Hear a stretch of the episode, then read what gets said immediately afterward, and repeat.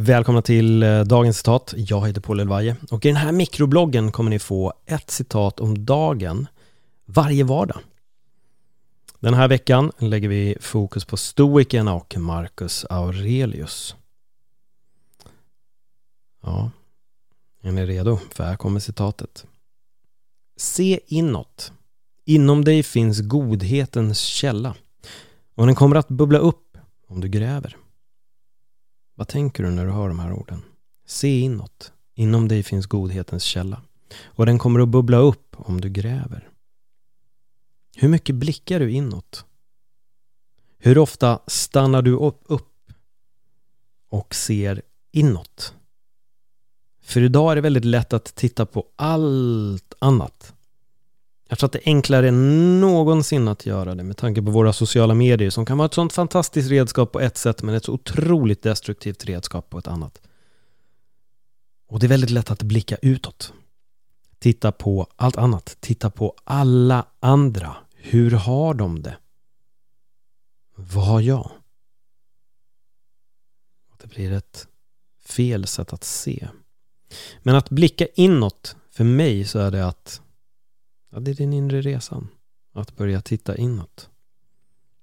Vad finns där inne? Och ju mer man börjar blicka inåt och börjar finna ro i sig själv så börjar man också inse att godheten kommer fram och den kommer att börja bubbla upp inom en om man gräver. Och jag tror att vi behöver påminna oss om det här väldigt mycket. För vi lever också i en tid av sociala medier där det finns väldigt mycket negativitet. Det är väldigt lätt att klaga på folk, att kritisera folk, att gå in i ett kommentarsfält på Facebook eller någon annanstans och börja klanka ner. Men det finns godhet i dig också. Och vi behöver inte sprida negativitet på det sättet som vi gör. Vi behöver inte ha en negativ åsikt om, om allt. Om det står något på Aftonbladet, vem är den personen? Jag vet inte vem det här är eller sånt. Man kan strunta i det med. Jag tror att det istället är bättre att kanske börja blicka inåt istället för att rikta ut all den här negativiteten som det är så otroligt lätt att göra. Men istället fokusera på det positiva. Se inåt. Inom dig finns godhetens källa och den kommer bubbla upp om du gräver.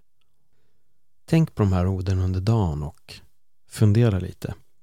Skriv gärna till mig om du kommer till någon form av insikt eller om du har någon form av tanke.